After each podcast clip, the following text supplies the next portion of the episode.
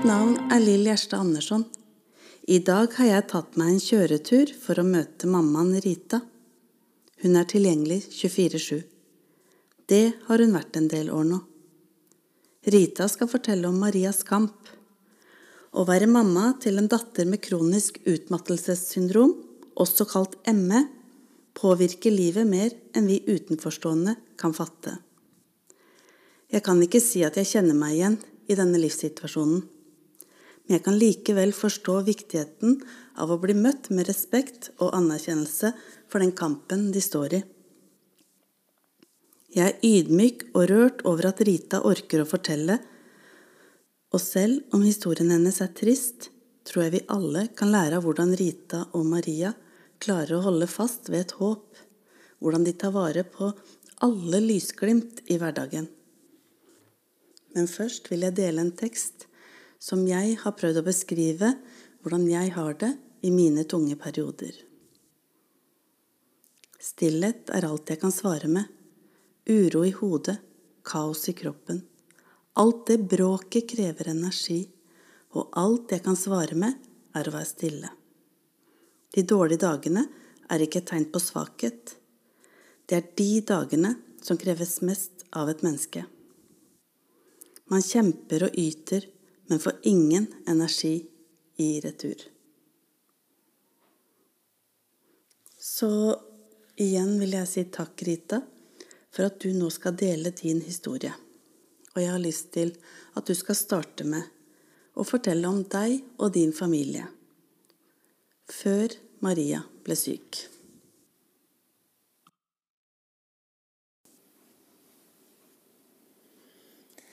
Ja, hvor skal jeg starte hen? Jeg hadde Maria fra før. Jeg var enslig mamma til Maria. Og når Maria var rundt fire år, så traff jeg Bjørn Tore. Og han fikk jeg to barn med, Mats og Malin. Og da var vi en familie på fem. Vi var en aktiv familie som eh, hadde det veldig mye bra. Helt normal familie som, som de fleste andre, med friske, friske barn. Sunn familie. Og så ble Maria sjuk.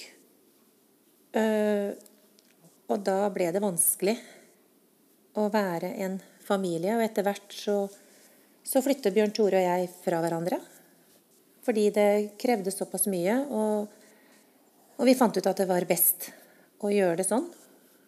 Også for de to andre som da fikk eh, et fristed hos pappaen, og så var Maria her og var sjuk. Fordi eh, de var ganske små. De var ja, fem og åtte år.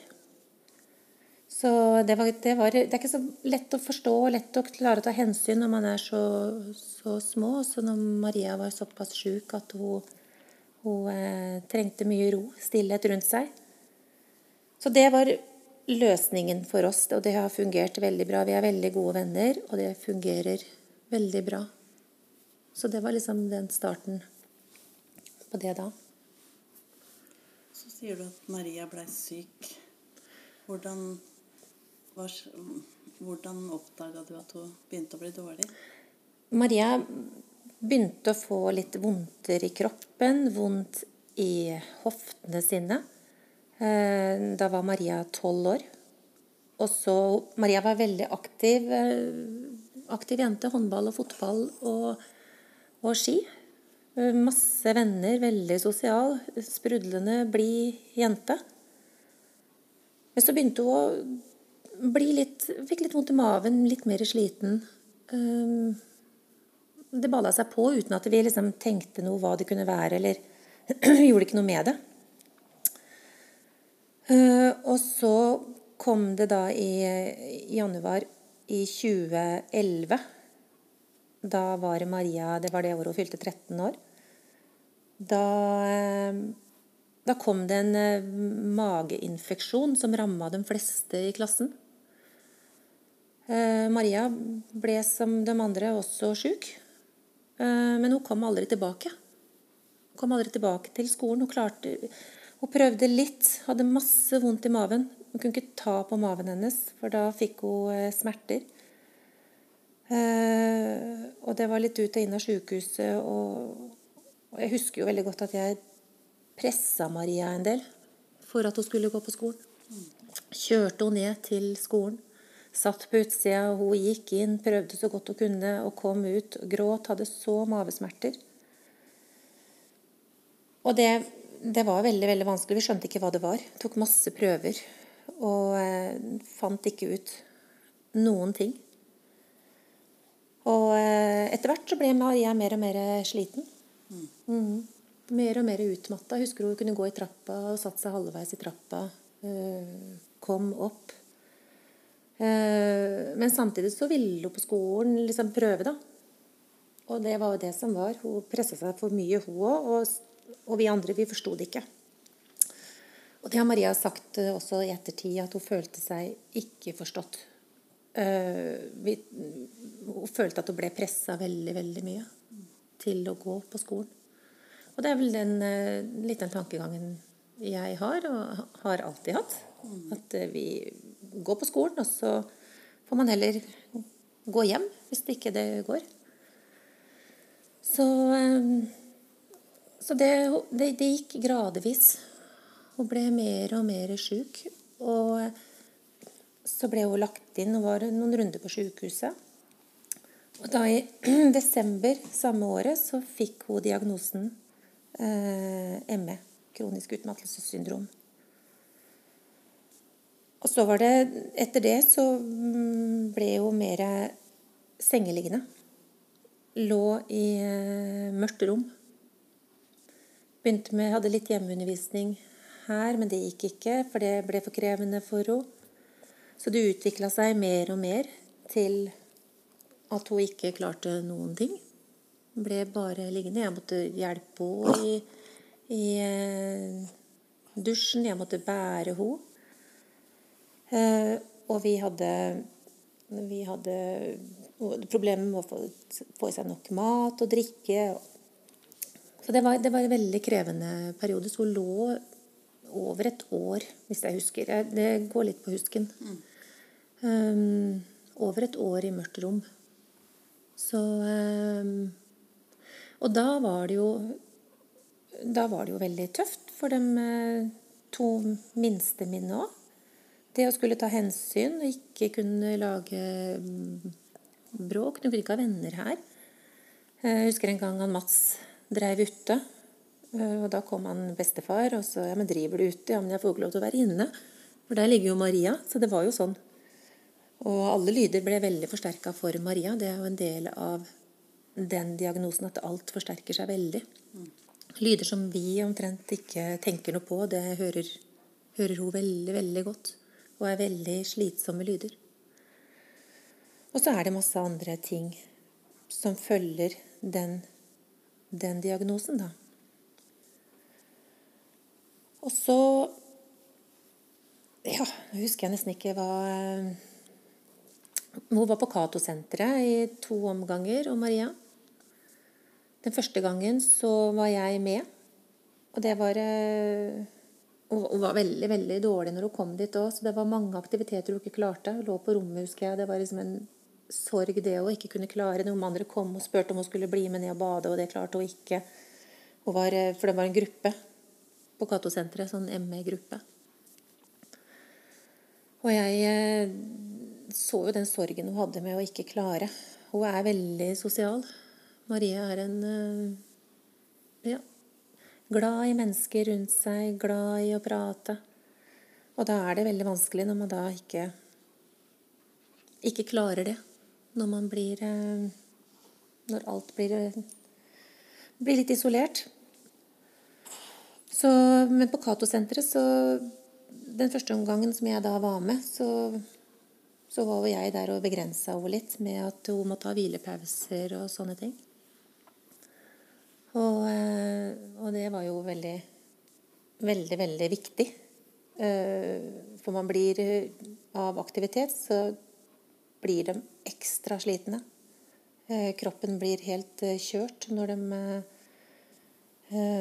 bruker kroppen for mye. Da må de hvile etterpå, og det er Kroppen skriker og har vondt av for mye aktivitet. Så det opplegget der de fire ukene, det, det gikk eh, greit. Hun fikk nye venner. Det er det viktigste med hele opplegget, som Maria syns. Da hun fikk eh, venner som, som eh, også hadde ME, og som hadde, hadde forståelse for sykdommen. Sjøl om de prata ikke mye sykdom, for det var veldig sosialt og veldig hyggelig, så, så var det veldig viktig for Maria. Fordi at da hadde hun ligget hjemme mye. Og, og det som skjer når man blir sjuk i den alderen er at uh, man mister mange venner rundt seg. Man er så opptatt av andre ting, og man blir litt glemt. Og det er veldig, veldig vondt. Det er en stor sorg. Um, fordi at uh, Jeg tror nok når man blir eldre, så er man litt mer opptatt av å tenke litt andre baner. Tenke litt på dem som er syke og kan se litt uh, Men når man er en 13-14 år, så er uh, Livet består av så mye annet. Mm. Og jeg har en, ei venninne blant annet som har vært der fra skolen fra starten på barneskolen, som alltid har vært der. Som heter Elen. En fantastisk flott jente. Så hun har vært med fra starten av, og så har hun eh, opparbeida seg noen venner uh, nå etter hvert. Gode venner. Og det, det, er veldig, veldig viktig for Maria. Det som jeg sa, jeg snakka om at jeg skulle prate om dette her, så sier Maria det. Du må fortelle at jeg har gode venninner. Gode venner guttevenner og jentevenner. Og det er viktig for meg at du sier det. Hun er ikke glemt nå lenger. Hun har kommet seg tilbake. Hun har klart å Hugo har hu, hu, Hunden til Maria sitter på fanget, så det kan bli litt boffing innimellom. Trygghet. Trygghet. Veldig, veldig trygghet. Veldig god, god venn. Nei, så det, det, er viktig for Maria å fokusere på det som er da positivt. Det å ha gode venner som betyr så mye. Ja, er enig. Så, eh, så det var den ene, ene gangen på, på Cato-senteret.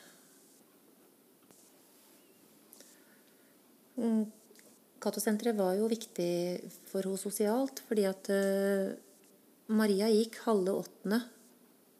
Uh, etter det så var det ikke noe mer skolegang. Sjøl om hun prøvde, så var det ikke noe Eh, hun klarte det ikke. Så derfor ble det veldig lite sosialt. Ellers så lå hun bare hjemme her. Og den, eh, hun skulle jo bli konfirmert, og det var også litt viktig for Maria å bli konfirmert. Men akkurat det å klare sammen med de andre, det gikk jo ikke. Hun klarte ikke være med på konfirmantundervisninga, og klarte ikke delta på noen ting. Så presten kom hjem hit og var her, hadde litt samtaler med Maria, og så fikk vi ha en, en egen seremoni etter de eh, andre. Vi visste jo ikke om vi klarte å gjennomføre den dagen, så alt blir jo tatt på Vi, vi må jo se an omtrent den morgenen vi våkner, om det går. Men det klarte hun. Hun ble konfirmert. Hun husker ingenting av dagen sjøl. Og hun lå for det meste Vi andre hadde selskap her Eh, hjemme mens hun lå. Jeg husker jeg fikk eh, leia henne ut så hun fikk sett på kaka. Og vi feira Maria, og hun lå inne i senga, så det var, det var en vanskelig dag. Men hun fikk, fikk gjennomført det, da. Så det, det, er liksom sånne ting som er, er litt vanskelig. Og så etter konfirmasjonen så Maria var dårlig lenge. Veldig, veldig dårlig. Og så søkte hun også en, en gang til på, på Cato-senteret. Eh, og da var hun over 16 år, så da kunne hun være der aleine. Og det ønska hun. Være der aleine. Men det som skjedde der, er at eh, Maria brukte masse krefter. Fordi at det var jo så hyggelig å treffe andre. Det var kjempegøy. Så hun ble kjempesliten. Og jeg måtte hente Maria og ta henne hjem fordi at hun hadde brukt alle kreftene sine. Hun ble kjempesjuk. Og, eh, og da, da, begynte hun eh, Da fikk hun Husker dagen før 18-årsdagen hennes, så, så, besvimte Maria. Da begynte besvimelsen å komme. Og hun ble innlagt og viste seg Hun fikk en diagnose som heter POTS, som er en veldig lite kjent diagnose. Eh, postural tachykardi-syndrom. Og det er det at eh, pulsen øker veldig, veldig fort. Fra sittende til stående stilling. Sånn som Maria kunne ha en puls på 60 når hun satt, og reiste seg på 90-180. Og da besvimer man jo. Da går den i bakken. Så det Hun kunne besvime flere ganger om dagen. Så da begynte den det etter det. Da hadde det vært eh, antageligvis, tror vi da, for stor påkjenning. Så eh, kroppen tåler ikke så mye. Og så ble det en innleggelse på, eh, på jo, Maria har vært syk i ni og et halvt år, så det er jo mye som skjer imellom. Men hun hadde også en innleggelse på Kalnes eh, fordi at hun begynte å få noen kramper i eh, beinet. Smertefulle kramper. Hun ble lagt inn på Kalnes og var der i tre uker uten at de skjønte noen ting. Vi ble videresendt til eh, Rikshospitalet. Der var hun i seks og en halv uke.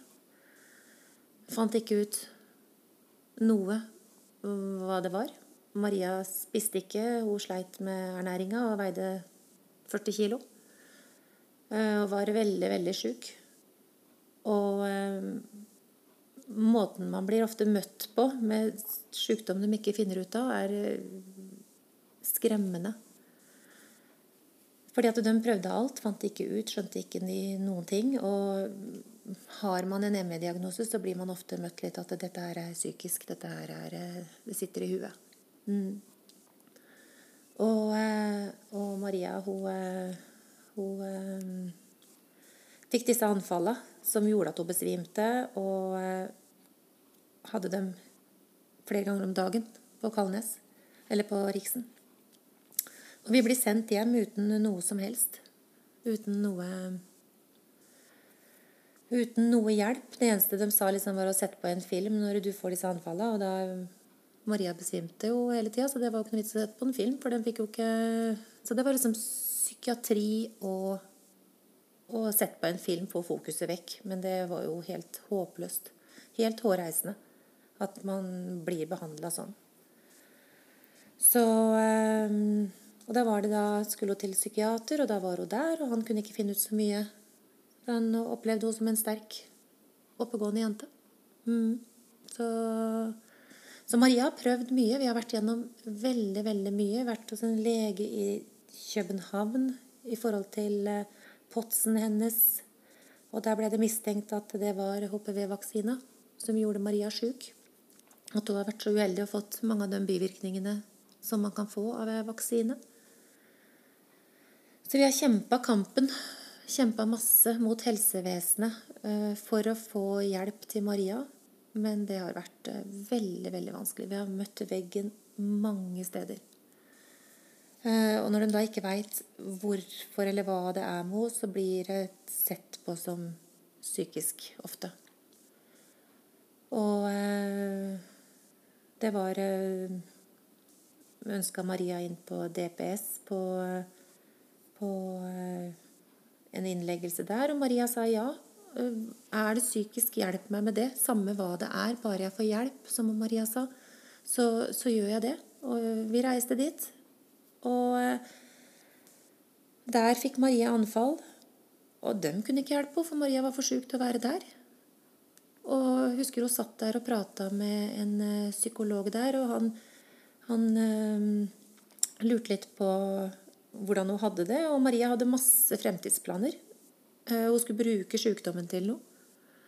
Hun hadde Det var liksom sånn Bare hun ble frisk, så Og da sa han det at det er ikke ofte jeg sitter og prater med noen som har så masse fremtidsplaner her nede. Men det er jo sånn Maria er. Hun har sagt hele tida at bare hun blir frisk, så skal hun bruke de erfaringene hun har. Um, gjerne holde foredrag. Eh, for man får masse erfaringer av å ha vært sjuk i når du har vært sjuk i ni og et halvt år. Eh, og det er Det er tøft. Mm. Du sa jo ikke mot alle at du måtte gi seg å gå på skolen i midten av 8. klasse. Hvordan blir det da med vitnemål osv.? Hun fikk, eh, hun fikk et vitnemål hvor det var bestått på noen ting. Men det var ikke noe, hun har ikke vitnemål fra, fra Eller det var på Det var heimkunnskap. for Det, det gjorde hun hjemme her. Det kunne prøve seg på hjemme på kjøkkenet. Der fikk hun karakter på det. Men så, så eh, Hun har jo ikke gjennomført det. Og Maria prøvde litt på videregående. Begynte på helse og sosial. Klarte lite grann å være der noen dager. og, så, eh, og så prøvde hun med å lese hjemme. Så hun hadde da noen eh, eksamener da til jul og klarte seg veldig bra på dem, men det tok altfor mye krefter. Så kom hun ikke tilbake etter jul. Da gikk ikke det. Så hun har ikke gjennomført noe, har ikke noe utdannelse, har ikke noe, noe sånn. Men det har hun heldigvis blitt veldig rolig på. Og det er veldig bra, for det betyr absolutt ingenting. Uh, helsa betyr jo alt. Har man ikke helse, så, så hjelper det ikke. Og uh, utdannelse kan du ta seinere. Og mm, bare den livserfaringa Maria har i forhold til noen på 23 år, så um, tror jeg hun kommer langt med det. Mm. Så det stopper jo det, det stopper jo ikke. Hun kan jo ta utdannelse når hun Om hun skulle bli bedre, da. Mm. Så da er det muligheter. Mm. Så veit jeg at hun bor ikke her hjemme hos deg lenger. Nei, hun, Maria flyttet til egen leilighet.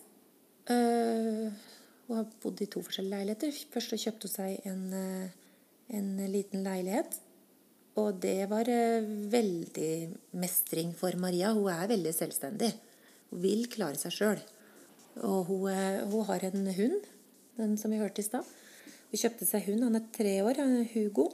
Og verdens fineste terapi, holdt jeg på å si.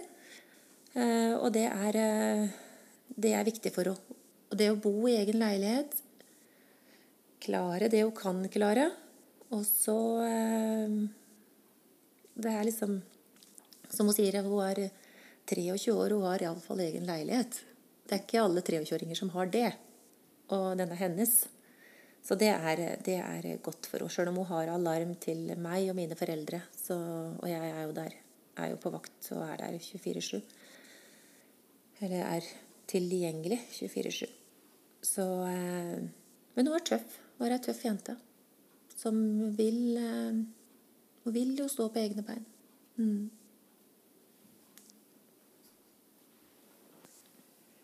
Jeg kjenner det berører meg veldig, den derre sorgen da, som du står i, har gjort i ni og et halvt år med å se dattera di på en måte ha det vanskelig, vondt og være veldig dårlig, som mm. ingen klarer å Og så ser vi det kanskje ikke engang, for hun orker da ikke å være så mye ute blant mennesker.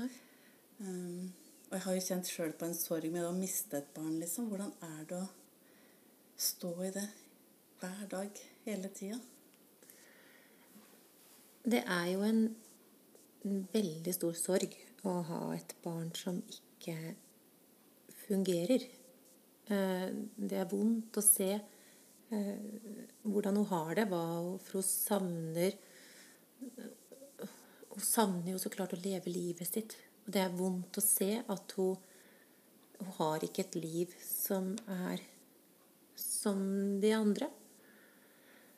Jeg, jeg må jo si at jeg har har mye sorg. Det, sorgen blir nesten verre og verre, føler jeg. Før, så, når hun var yngre, så var det liksom Man, man håper jo hele tida at ting skal bli bedre. Og, og, det håpet har vi jo. Det håpet er jo Vi, vi må jo holde tak i det. Men eh, samtidig så er det liksom en sånn en sorg for at livet bare går. Dagene går, ukene går, månedene går. Og åra går. Det er som Maria sier når hun har bursdag, så er liksom nok et år har gått. Og hun er på samme sted. Og bursdager er forferdelige, sånn for Maria, og jeg syns det er veldig vondt. Og, og, den sorgen over å aldri kunne ha med Maria noe sted. Ikke, ikke kunne gjøre noe med Maria. Eh, Familieselskaper, jul Det er alltid jeg jeg savner. Eller vi savner, for jeg har jo unger som også Og besteforeldre. Vi, vi er jo en, vi er en stor familie. Jeg har mange rundt oss. Vi har, vi har mange som, som bryr seg. Eh, og det veit jeg, den derre sorgen over at Maria aldri får vært med, er kjempestor. Fordi at Maria hadde kosa seg så veldig, vet du. Hun er jo Ja. Og det sier eh, hun minste min, Malin på, på 13 år. Eh, og sett liksom det å ikke kunne gå på shopping med storesøster. Reise bort med storesøster, bare ha storesøster der. Kunne ha overnatting med storesøster. Det er et stort savn. Eh, Og det er mange som blir berørt. Og, eh, og det er vondt jeg ser liksom når, når jeg ser jevngamle. Nå utdanner de seg og etter hvert stifter familie. Og så er Maria på samme nivå. Hun kommer ikke videre i livet. Og det er eh, kjempetøft. Og det blir jo en unntakstilstand for, for hele familien, for mitt liv òg. Det blir jo Maria Det dreier seg jo mye om sykdom. Eh, og det blir eh, vi, kan ikke planlegge noe. For vi veit aldri noen ting. Vi kan ikke planlegge en ferie. Jeg husker ikke sist jeg var på noe ferie. Eh, og, og reiser jeg bort, så er det vondt å reise bort da. For jeg skulle ønske at Maria kunne reise bort. Det er veldig krevende eh, å, å stå i dette her. Eh, vi er heldigvis, eller jeg òg, er veldig åpen. Snakker om følelser, og det er, det er viktig å få fram følelser. Men det er tøft. Det er en, en sorg som jeg står i hele tida, konstant hele tida. Jeg får liksom aldri ro.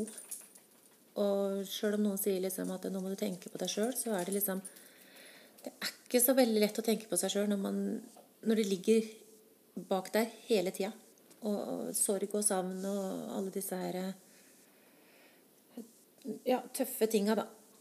Og eh, litt med hvilke opplevelser man har hatt gjennom disse åra. Og, og jeg er også konstant redd for at det skal skje noe med Maria. Jeg har hatt noen opplevelser hvor jeg har eh, måttet omtrent få henne tilbake til livet. Og det er, eh, det er sånt som setter seg, og jeg er eh, veldig redd for at jeg kanskje skulle finne henne. At kroppen ikke orker mer. Og, det er en frykt jeg har hver dag. Og eh, det, det er eh, Det er tanker som er i hodet mitt hver dag. Og jeg, den, når Maria er i leiligheten, så, så har vi sånn kodespråk at vi sender hjertet til hverandre. Eller jeg sender hjertet, da. eh, Til henne. Sånn ca. en gang i timen, bare for å se at det er liv i henne. Så ikke hun har besvimt og slått seg og, eller har fått noe anfall eller at det er blitt noen ting. Og da svarer hun alltid med hjertet. Hun veit at hun skal svare meg med en gang, for hun, er- hun veit jo at jeg bekymrer meg. Så hun er flink til å svare. Og Maria er veldig opptatt av at jeg skal ha det best mulig, at vi skal ha det best mulig. Maria er en person som omtrent aldri klager. Og er veldig, veldig takknemlig. Eh, og vil jeg skal reise bort, vil jeg skal ha et liv. Men det, det er jo mine begrensninger, holdt jeg på å si. Det blir jo vanskelig. Fordi at uh, ungene er det kjæreste vi har. Vi gjør alt for dem, og livet vårt står på vent. Og det, sånn er det bare. Det, man ofrer ikke noe for ungene. Det er, eh, det er det aller viktigste. Så, eh, og vi har eh, heldigvis Vi har veldig, veldig godt forhold.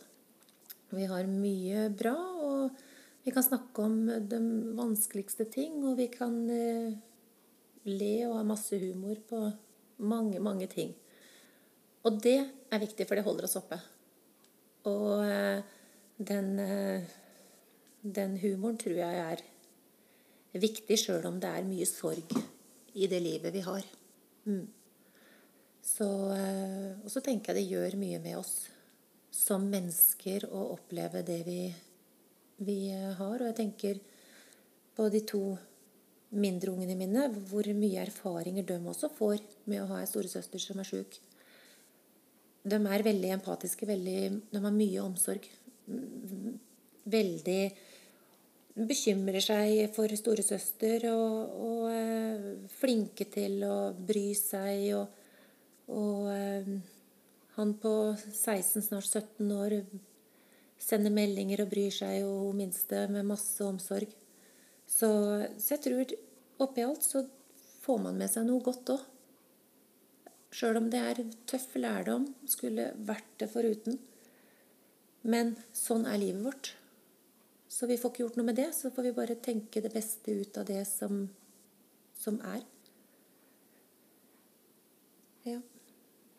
Og jeg vet jo at du sliter med det å ta, liksom, ta, ta noen valg bare for deg, eller uh, Og jeg møtte deg jo på en håndballcup som begge mm. gutta våre var med på. Da hadde du med deg Malin. Og jeg merka jo kanskje på mange av foreldrene der at vi blir, bare så glad for at du er der. Og så kommer ifra, ja. At, du liksom, mm. at nå har du fått lov til å Eller gitt deg fått lov. Fri. Fått fri. ja. Du har gitt deg lov ja, da, til ja. å dra. Fordi du har alliert deg med noen andre. ikke sant? Du forteller jo det. Og du, du, er noen du kan være åpen med, men mm. allikevel så tenker jeg nå at jeg satt jo egentlig bare og var så glad at du fikk med deg den mm. helga. Mm. Mats vant uh, cupen, og han spilte kjempebra osv. Men jeg skjønner jo nå, og jeg skjønte det jo også der, men ikke på den måten hvor mye det koster deg da, å dra bort en helg. Ja, for det er ikke noe selvfølge at jeg kan være med på noen håndballkamper. Eh, eller andre ting. Eh, og det er mange ganger jeg har avlyst. Og jeg vil jo så gjerne, så klart. Men og det å være med ungene mine og på sånne ting, det er jo kjempehyggelig. Og det, derfor blir det jo ekstra òg for Sånn som Mats da på den cupen og sånne cuper, sånn er jeg ekstra takknemlig for at jeg kan være med. Mm. Og det er så fint du får vært med, mamma. Mm. Jeg er så glad du får vært med. De setter så pris på det.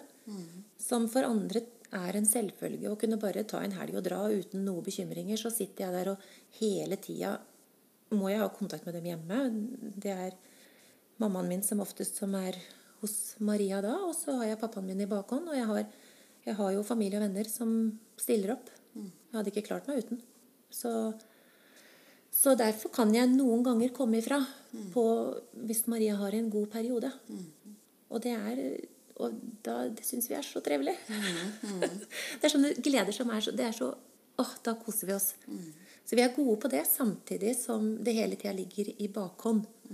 Så um, må liksom Det er viktig å investere i Mats og Mali nå. Mm. De uh, Det er, det er uh, viktig å kunne prøve å ta seg litt tid og være sammen med dem. Og vi er gode på å egentlig gå turer i skauen og ha det i nærheten her. Sånne små ting. Jeg husker for, Det var noen år siden som vi reiste til Tøksfors. Så satt vi på McDonald's og spiste, og så sier Madsen så, så fint Tenk at vi kan reise hit. Så koselig, liksom. Og det var sånn tenkte jeg, Ja, det er hyggelig, Mats. Veldig bra du klarer å sette pris på sånn det, det lille. Vi får ikke reist til Syden, vi får ikke reist eh, andre steder. Men vi kunne reise da til Tøksfors den perioden der. Og da hadde vi det veldig hyggelig. Så det, så det er viktig. Det er viktig, at, og de ser det. De ser også eh, at jeg gjør så godt jeg kan. Mm. Og de setter ord på det. Mm. Og det syns jeg er godt gjort. Mm. Mm. Og du fortjener jo det. Ja, takk. Men jeg vet jo også at dette har vært en kamp hele veien. Både for eh, å stå i det med Maria og alt det vonde hun står i, mm. men også en kamp mot Du har vært innom det. Ja, leger og sykehus. At man ikke forstår hvordan man mm. kan hjelpe. Mm. Du er jo sykepleier sjøl og mm. er jo en ressursperson. Du tør sikkert å leite etter dette her og kreve ting, men eh, hvordan er det å stå i en sann kamp også?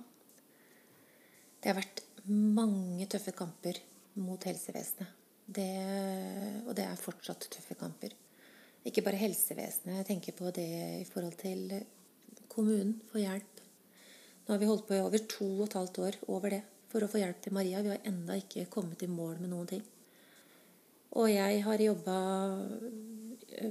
vært ansatt i over ja, det var vel 24 år, eller hjemmesykepleien. Og så ble det for mye for meg fordi at Maria var så sjuk. Og jeg eh, ble sjukmeldt og måtte jo være hjemme med Maria.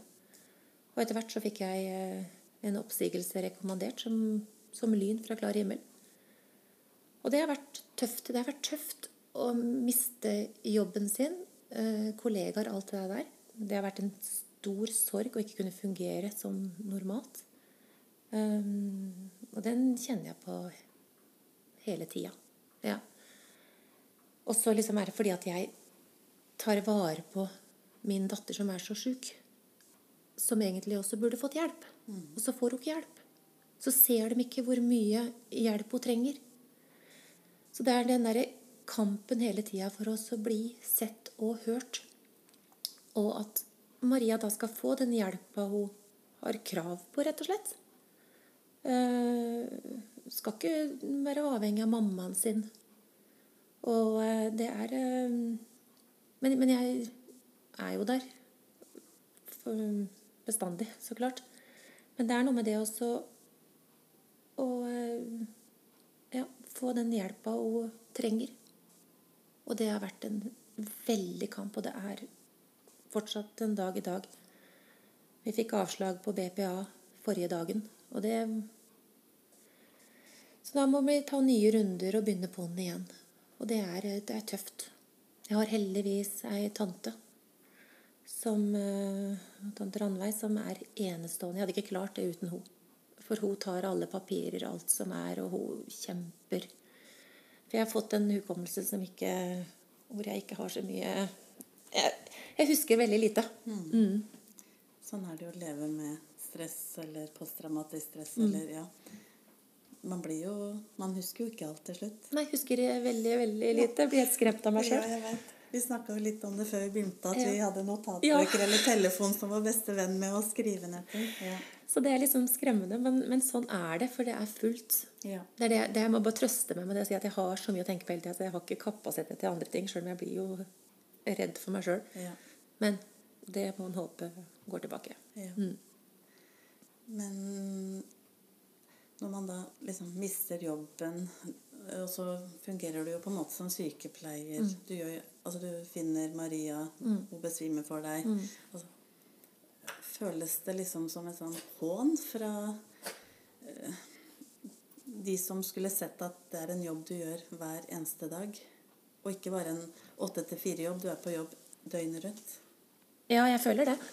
Jeg syns det har vært uh, Det har vært veldig eh, Ja det, jeg, jeg, vet nesten ikke hva jeg skal si, for jeg syns det har vært så sårt. Mm. Og det er som du sier, det er et hån at de ikke ser den jobben jeg gjør. Mm. Og Maria hadde ikke levd, hadde ikke vært for meg. Det har vi noen bevis på. Mm. Og, eh, og derfor er det liksom Hun er så avhengig Maria er veldig sjuk. Så hun er veldig Hun er jo avhengig av hjelp å ha noen der 24-7. Mm. Og det skjønner de ikke. Mm. Og de skal vel spare penger, og, og, det er jo kjempefint jeg gjør den jobben der, for da sparer de jo De har jo spart masse penger gjennom alle de åra jeg har hatt Maria. Og når jeg jobba i hjemmesykepleien, så fikk jeg eh, ha Maria jeg kunne stikke hjemom og sjekke henne. da. Og jeg opplevde jo liksom da at Maria var omtrent den sjukeste jeg hadde på lista mi. Og, og, til slutt så ble det for tungt for meg. For jeg var så bekymra for hun som lå der. Og det, da syns jeg det er veldig sårt at, eh, at man ikke får noe hjelp. Det er eh, ikke bare sårt, det er Man blir jo sint òg, vil jeg tro. Ja, jeg er enig. Det er lov å banne? Ja, innimellom. Ja. ja, det er, det er fankeren, altså. Ja. Og så ber vi liksom bare om litt hjelp. Ja. Jeg har stått i det i så mange år, og jeg liksom tenker at eh, Og Maria hun vil jo ha hjelp. Hun ser jo at dette her er Men hun, Maria, Maria kan ikke ha mange forskjellige som kommer dit, og det er det de ikke forstår. Det gjør Maria sjuk. En ME-pasient kan ikke ha mange forskjellige som kommer inn og ut. Eh, fordi at det blir for stor påkjenning å skulle forklare og fortelle når man knapt nok har, orker at jeg kan komme dit. Mm. Som kjenner og veit alt hun skal ha. Så det er, eh, det er veldig få av oss som er inne hos Maria nå. Så um, Er det på en måte pga. det stigmaet fortsatt rundt ME at man ikke har at har ikke, Det har ikke vært en sykdom man har uh, hatt kunnskap om lenge nok, da. Uh, er, det, er det derfor? Har man ikke de riktige papirene på riktig ja, sykdom? på en måte? Jeg, jeg, tror det er uh, mye av det. Heldigvis har mye forandra seg siden Maria ble sjuk. Jeg mm. opplever det i forhold til ME-diagnosen. At Hugo var litt tørst. At det har skjedd mye, mye på den tida der. At eh, ME blir nå mer At det er en fysisk sykdom. Det er en sykdom som rammer hele uh, kroppen. Mm. Og i tillegg så har Maria mye annet enn ME. Mm. Uh, hun har uh, antageligvis noen skader på sentralnervesystemet. For det er så mye som ikke fungerer. Og da er det men det er ikke synlig. Det er ikke synlig på blodprøver. De har ikke funnet noe enda. Så det er liksom Da blir det vanskelig å bli forstått. Så tenker de det, skriver liksom det at, de, at Maria må lære seg til å ta imot andre.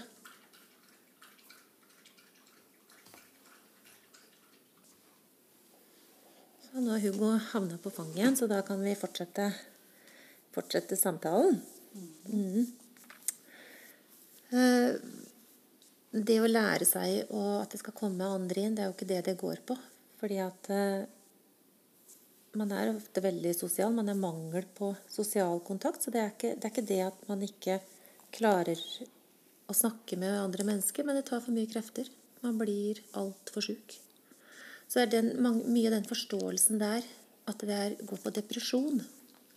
At det er det psykiske. Og det, det er veldig Det brenner Maria for at uh, få opplyst folk at det er ikke det. Hun savner så veldig å kunne prate med folk, kunne være med. Og uh, jeg ser jo sånn som Maria har pressa seg mange ganger til å klare litt, og så blir hun bare så sjuk av det. Og det er den derre forståelsen for det som man ikke vet at det faktisk medfører at man blir fysisk veldig sjuk. Og, eh, og ikke kan bare tenke at de må ta seg sammen, skjerpe seg, presse seg. Og det er noe jeg eh, angrer veldig på i starten når Maria blei sjuk. At jeg pressa Maria for mye. Jeg lytta ikke til hva hun sa, jeg tok ikke signalene hennes på alvor. Og eh, pressa henne på skolen og sa at du, må prøve, vet du, sånn som jeg nevnte i stad. Det er bare å Du får heller komme hjem hvis ikke det går. Og Man tenker jo ikke at det kan bli så gærent. Og at kroppen er så uh, sjuk. At, at, man blir så sjuk som hun har blitt. Så, uh, men har man unger eller som man kan se noen sånne signaler på, så, så vær forsiktig med å presse. Lytt til dem, og, og ikke heng dere opp i skole, tenker jeg. For vi var liksom, når Maria ble sjuk, så ble hun sjuk i, i, i, januar, og så var hun sjuk fram til vinterferien. Og så tenkte vi etter vinterferien, da klarer du det. Nei, det klarte hun ikke. vet du. Etter påskeferien. Vi var så opptatt av at hun ikke skulle få for mye fravær på skolen. Så det blei så stress, og det angrer jeg på. Skulle bare drite i hele greia. Men jeg, det er jo Man tror jo som sagt ikke at det kan bli så galt. Og det er viktig at man har en holdning på at man skal gå på skolen, og sånne ting, men jeg burde tatt skjønt litt mer på Maria. Mm. Så um, Det er jo litt det samfunnet vi lever i òg, at vi skal mestre alt, ja, ja. få til alt. Alt skal være perfekt. Og så og så fikk jeg jo hjelp til Maria, og de, de skjønte jo ikke dem heller Eh, vondt i maven. Hva er det, liksom? Er det skolevegring? Er det Ja.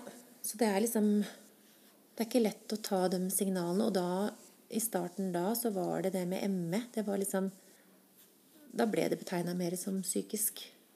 Og det er derfor jeg er veldig glad for at eh, ME-foreningen og mange har fronta det nå. De kjemper på. og De på i Bergen har prøvd å finne kur mot det. og Det, det jobbes med, det forskes på. Og det er kjempebra.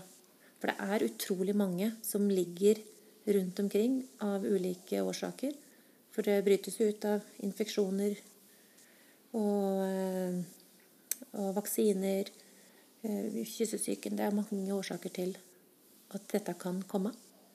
Så, eh, så jeg er veldig glad at det er mer fokus på det. For vi følte oss veldig aleine i starten. Og Maria var nesten sånn, litt sånn prøve, prøveklutt på, på ungdomsskolen. Mm. Så jeg veit jo det har vært flere etter henne, som, så hun har bana litt vei der. Og det er jo hennes greie. Hun vil jo gjerne belyse det, og derfor syns Maria det er veldig fint at, at jeg er med på dette her. Og det er som om Maria sa at 'Å, jeg har lyst til å være med, jeg òg'. Mhm. Og så, ja. Da håper jeg at hun ved en anledning skulle hun ha overskudd og vite at det varer. Ja. Så At da kan hun fortelle sin historie. For det er viktig, og hun har sin sorg og sine opplevelser. Og, og det, er, det er viktig å være, sette ord på det. For det er ikke lett å forstå. nei. Og det er sånn som med Maria Hvis en kan se Maria på butikken, da, så ser hun veldig frisk ut akkurat da. Og det var, eh, husker jeg, sånn som Mats. Han var veldig oppgitt over det, for han hadde noe Han ville ikke få snakke om sykdommen til Maria. Han syntes det var vanskelig, for kompiser hadde sett henne på butikken, og da så så Storesøstera di er jo på butikken, og ser jo så frisk ut. Og så kan, kunne han liksom fortelle at hun var hun kjempesjuk, hun ligger i mørkt rom. Åssen skal man bli trudd på det? Så da var det liksom bedre å ikke forholde seg så mye til akkurat det. Og det er, eh, det er litt vanskelig at man egentlig ikke kan gå på butikken uten å tenke på at nå er det noen som ser deg, nå er det noen som tenker at 'å, nå er du frisk'. Så eh, det, det er en vanskelig sykdom å leve med.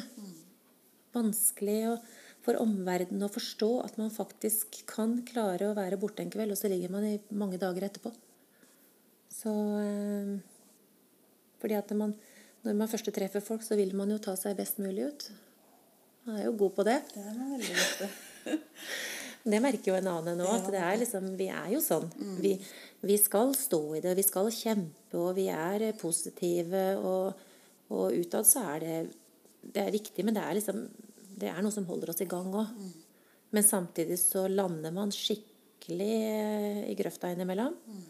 Og sånn for min del så er det da, da Om jeg må ta en, en dag eller to på sofaen bare for å hente meg inn, for å få litt, eh, litt overskudd igjen. For da er jeg så lei meg, og da er det så vondt og dritt alt sammen. Så Men da har jeg noen foreldre som kommer og, Dra drar meg litt i Da er mamma ute og går tur og styrer og ordner, så det Man slipper ikke unna. Og det er, det er bra, det. For man kan ikke lande der. Men han har lov til å, å lande litt, og det er, det er eh, Det er ikke bestandig det er sånn som det ser ut utad. Nei. Nei. Vi setter på oss et smil, og vi er gode på det, og vi skal overleve. Mm. Og den sorgen vi har inni oss, den syns ikke utad. Så um. Men hvor finner du Altså Jeg vet at du og Maria sammen kan finne noe hygg. Du har fortalt om Du tar det glasset med rødvin Ja, ja, ja. og på fredagskvelden, og dere kanskje ser på noe på TV-en, eller vet ikke hva dere gjør. Men hvor finner du energi da, til å stå i dette dag ut dag inn? Er det trening, eller er det å gå tur, eller er det gode venner? Altså hva Jeg eh, er veldig glad i hjemmet mitt. Jeg liker å pusle og drive der. Og så har jeg hage. Akkurat nå så driver pappa og jeg ordner med drivhus. Så da kan jeg sette meg der og ta med et glass rødvin når eh, Maria er i trygge hender. Og eh, har veldig mange gode venner. Nære, gode venner. Som, eh, som alltid er der. Jeg har en nabo litt lenger nede i veien her som jeg alltid kan gå til. Søskenbarn, andre venninner. Har en annen venninne som også har ME-diagnosen, hvor vi mye samtaler, og vi har det veldig mye hyggelig sammen. Og det er Og, og ikke minst eh, familien min, da. Mm. Så, og ungene. Dem er jo gull verdt. ja. Så, eh, så man henter krefter fra forskjellige steder. Og jeg er glad i å gå tur og komme meg ut litt og, og, og det. Så det er eh, Man finner alltid noen steder å få noe energi når en har noen gode mennesker rundt seg. Mm. Hadde ikke klart aleine. Aldri. Da hadde jeg vært innlagt. Jeg ser jo på en måte at den samtalen her koster deg litt. Du blir eh, litt rød i Mm. ansiktet mens du prater, og man, det er jo som en treningsøkt. Ja man mm. henter fram det man ofte dekker litt over. Så det kjenner jeg meg veldig igjen i. Um, men eh, jeg er veldig, veldig glad for at du har orka å dele. Jeg tror det er så viktig. Det er så mange som ikke Mm. veit nok. Og hvis man kan på en måte få litt mer forståelse, da, Mm. så har det vært verdt det, kanskje. Ja, det er verdt, og vi er veldig åpne på hvordan vi har det.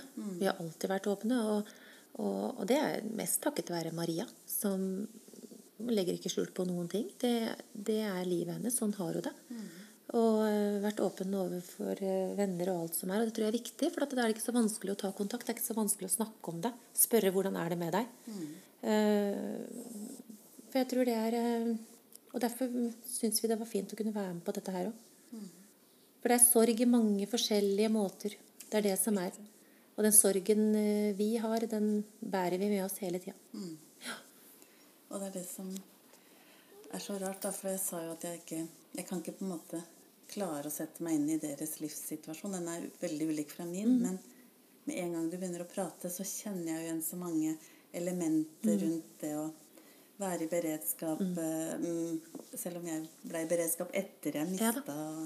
Aurora, på en måte. Så det er Jeg klarer å kjenne igjen, da. Og vi møter mennesker med sterke historier, men og noen kan da tenke dette blir for mye, det blir for masse vondt å høre på. Men for meg så gir det bare en ny styrke til å liksom gå litt videre i livet mitt, da. Det er bra. Fordi man ser at det er så mange som har noe, og dem klarer å gå videre. Ja. Og så noen ganger så går det ikke akkurat så bra Nei, heller. Man det- må flate ut, Også. ja. Ok, da det, det kan man tillate det, seg ja, det det, er, også. det er veldig viktig at man kan tillate seg det. For, for det er ingen som er supermennesker. Vi, vi klarer ikke stå i det hele tida. Og vi må tillate oss å kunne være svake. Mm. Og kunne gråte og kunne vise at nå er det tungt, nå er det kjempetøft.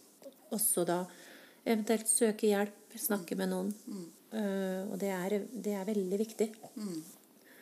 Og det er vi gode på, så er vi gode på sånn som det å blomster på bordet. Mm. De små tinga.